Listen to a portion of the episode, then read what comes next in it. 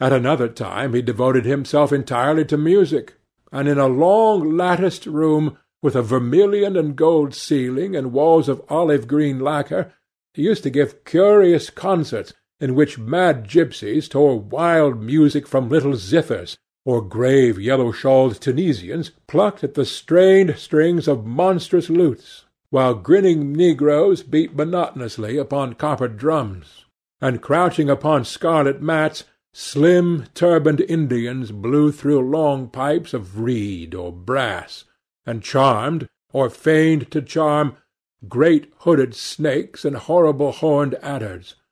The harsh intervals and shrill discords of barbaric music stirred him at times when Schubert's grace and Chopin's beautiful sorrows and the mighty harmonies of Beethoven himself fell unheeded on his ear. He collected together from all parts of the world the strangest instruments that could be found, either in the tombs of dead nations or among the few savage tribes that have survived contact with Western civilizations, and loved to touch and try them. He had the mysterious juruparis of the Rio Negro Indians, that women are not allowed to look at, and that even the youths may not see till they have been subjected to fasting and scourging, and the earthen jars of the Peruvians that have the shrill cries of birds, and flutes of human bones such as Alfonso de Ovalle heard in Chile, and the sonorous green jaspers that are found near Cuzco, and give forth a note of singular sweetness. He had painted gourds filled with pebbles that rattled when they were shaken. The long clarin of the Mexicans, into which the performer does not blow, but through which he inhales the air. The harsh turé of the Amazon tribes, that is sounded by the sentinels who sit all day long in high trees, and can be heard, it is said, at a distance of three leagues. The teponaztli, that has two vibrating tongues of wood and is beaten with sticks that are smeared with an elastic gum obtained from the milky juice of plants. The yotl bells of the Aztecs, that are hung in clusters like grapes, and a huge cylindrical drum, covered with the skins of great serpents, like the one that Bernal Diaz saw when he went with Cortes into the Mexican temple, and of whose doleful sound he had left us so vivid a description. The fantastic character of these instruments fascinated him, and he felt a curious delight in the thought that art, like nature, has her monsters, things of bestial shape and with hideous voices. Yet after some time he wearied of them, and would sit in his box at the opera, either alone or with Lord Henry, listening in rapt pleasure to Tannhauser, and seeing in the prelude to that great work of art a presentation of the tragedy of his own soul. On one occasion he took up the study of jewels, and appeared at a costume ball as Anne de Joyeuse, Admiral of France, in a dress covered with five hundred and sixty pearls. This taste enthralled him for years, and indeed may be said never to have left him. He would often spend a whole day settling and resettling in their cases the various stones that he had collected, such as the olive-green chrysoberyl that turns red by lamplight, the cymophane with its wire-like line of silver, the pistachio-coloured peridot, rose-pink and wine-yellow topazes, carbuncles of fiery scarlet with tremulous full-rayed stars, flame-red cinnamon stones, orange and violet spinels, and amethysts with their alternate layers of ruby and sapphire. He loved the red gold of the sunstone, and the moonstone's pearly whiteness, and the broken rainbow of the milky opal. He procured from Amsterdam three emeralds of extraordinary size and richness of colour, and had a turquoise de la Vieille Roche that was the envy of all the connoisseurs. He discovered wonderful stories also about jewels. In Alfonso's Clericalis Disciplina, a serpent was mentioned with eyes of real jacinth, and in the romantic history of Alexander, the conqueror of Emathia was said to have found in the vale of Jordan snakes with collars of real emeralds growing on their backs. There was a gem in the brain of the dragon, Philostratus told us, and by the exhibition of golden letters in a scarlet robe the monster could be thrown into a magical sleep and slain. According to the great alchemist, Pierre de Boniface, the diamond rendered a man invisible, and the agate of India made him eloquent. The cornelian appeased anger, and the hyacinth provoked sleep, and the amethyst drove away the fumes of wine. The garnet cast out demons, and the hydropicus deprived the moon of her colour. The selenite waxed and waned with the moon, and the meloceus that discovers thieves could be affected only by the blood of kids. Leonardus Camillus had seen a white stone taken from the brain of a newly killed toad that was a certain antidote against poison. The bezoar that was found in the heart of the Arabian deer was a charm that could cure the plague. In the nests of Arabian birds was the aspilates, that, according to Democritus, kept the wearer from any danger by fire. The king of Ceylon rode through his city with a large ruby in his hand, as the ceremony of his coronation. The gates of the palace of John the priest were made of sardius, with the horn of the horned snake inwrought, so that no man might bring poison within. Over the gable were two golden apples, in which were two carbuncles, so that the gold might shine by day and the carbuncles by night. In Lodge's strange romance, A Margarite of America, it was stated that in the chamber of the queen one could behold all the chaste ladies of the world enchased out of silver, looking through fair mirrors of chrysolites, carbuncles, sapphires, and green emeralds. Marco Polo had seen the inhabitants of a Zipangu place rose-coloured pearls in the mouths of the dead. A sea monster had been enamoured of the pearl that the diver brought to King Perozes, and had slain the thief, and mourned for seven moons over its loss. When the Huns lured the king into the great pit, he flung it away. Procopius tells the story, nor was it ever found again, though the Emperor Anastasius offered five hundredweight of gold pieces for it. The king of Malabar had shown to a certain Venetian a rosary of three hundred and four pearls, one for every god that he worshipped. When the Duke de Valentinois, son of Alexander the Sixth, visited Louis the Twelfth in France, his horse was loaded with gold leaves, according to Brantome, and his cap had double rows of rubies that threw out a great light. Charles of England had ridden in stirrups hung with four hundred and twenty-one diamonds. Richard the Second had a coat, valued at thirty thousand marks, which was covered with balas rubies. Hall described Henry the Eighth on his way to the Tower previous to his coronation as wearing a jacket of raised gold, the placard embroidered with diamonds and other rich stones, and a great bauderike about his neck of large balasses. The favourites of James the First wore earrings of emeralds set in gold filigrane. Edward the Second gave to Piers Gaveston a suit of red gold armour studded with jacinths, a collar of gold roses set with turquoise stones, and a skull-cap with pearls.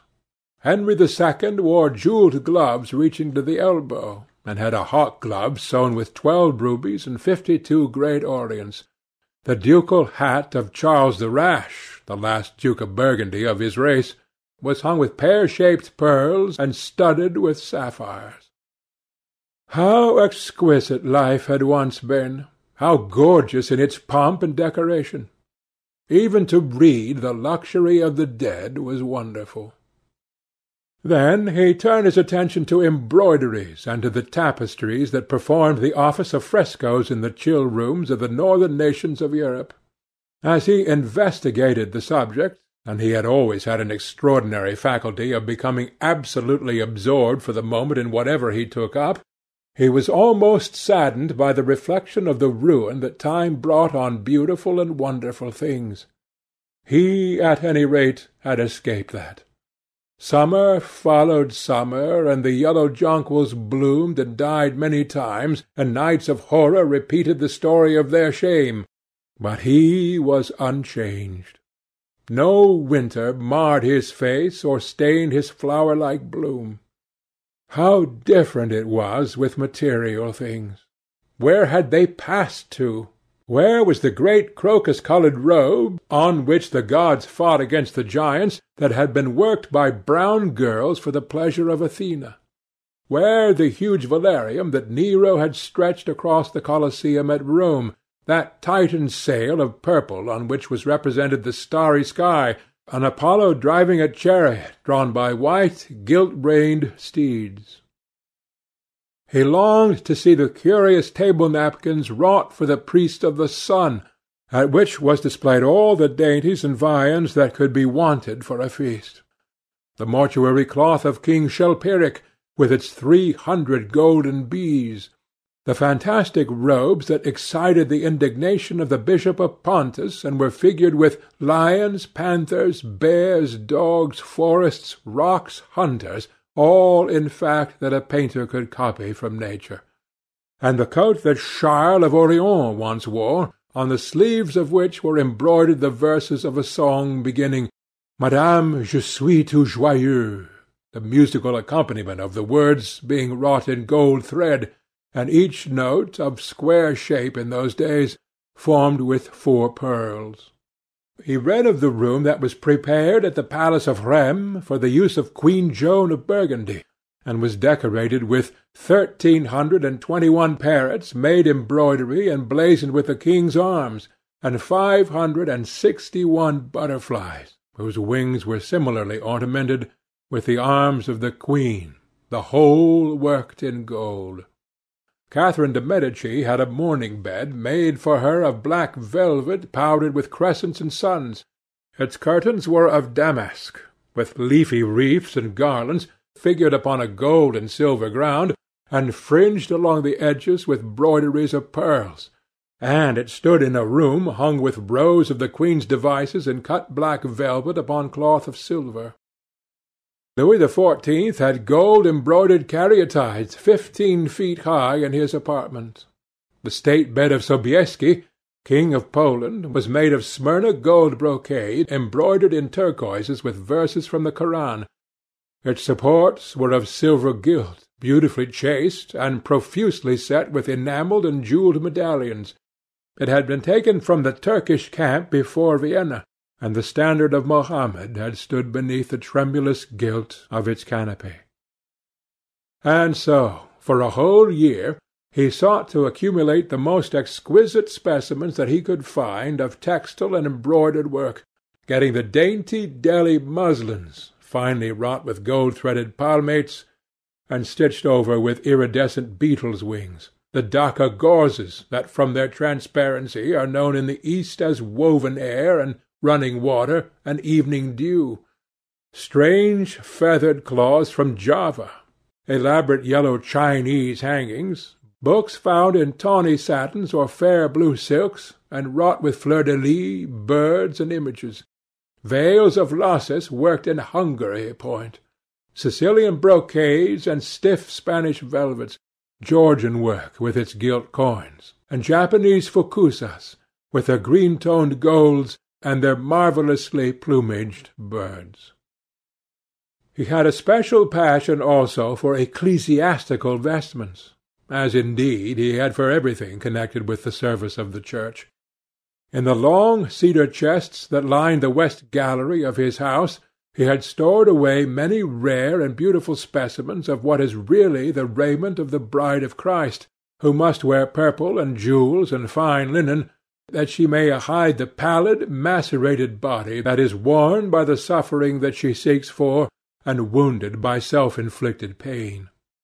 He possessed a gorgeous cape of crimson silk and gold thread damask, figured with a repeating pattern of golden pomegranates set in six-petalled formal blossoms, beyond which on either side was the pineapple device wrought in seed curls. The orphreys were divided into panels representing scenes from the life of the Virgin, and the coronation of the Virgin was figured in coloured silks upon the hood. This was Italian work of the fifteenth century. Another cape was of green velvet, embroidered with heart-shaped groups of acanthus leaves, from which spread long-stemmed white blossoms, the details of which were picked out with silver thread and coloured crystals. The morse bore a seraph's head in gold thread raised work. The orphreys were woven in a diaper of red and gold silk, and were starred with medallions of many saints and martyrs, among whom was Saint Sebastian. He had chasubles also of amber-coloured silk, and blue silk, and gold brocade, and yellow silk damask, and cloth of gold, figured with representations of the Passion and the Crucifixion of Christ, and embroidered with lions and peacocks and other emblems; dalmatics of white satin and pink silk damask, coloured with tulips and dolphins and fleurs de lis; altar frontals of crimson velvet and blue linen; and many corporals, chalice veils, and sudaria. In the mystic offices to which such things were put, there was something that quickened his imagination.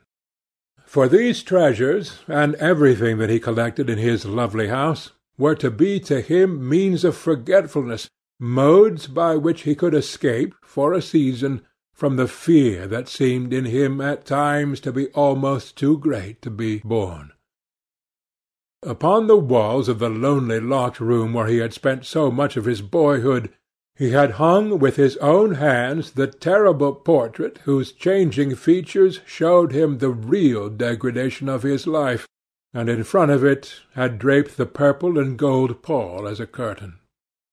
For weeks he would not go there, would forget the hideous painted thing, and get back his light heart, his wonderful joyousness, his passionate absorption in mere existence. Then, suddenly, some night he would creep out of the house, go down to dreadful places near Bluegate Fields, and stay there day after day until he was driven away. On his return he would sit in front of the picture, sometimes loathing it and himself, but filled at other times with that pride of individualism that is half the fascination of sin, and smiling with secret pleasure at the misshapen shadow that had to bear the burden that should have been his own.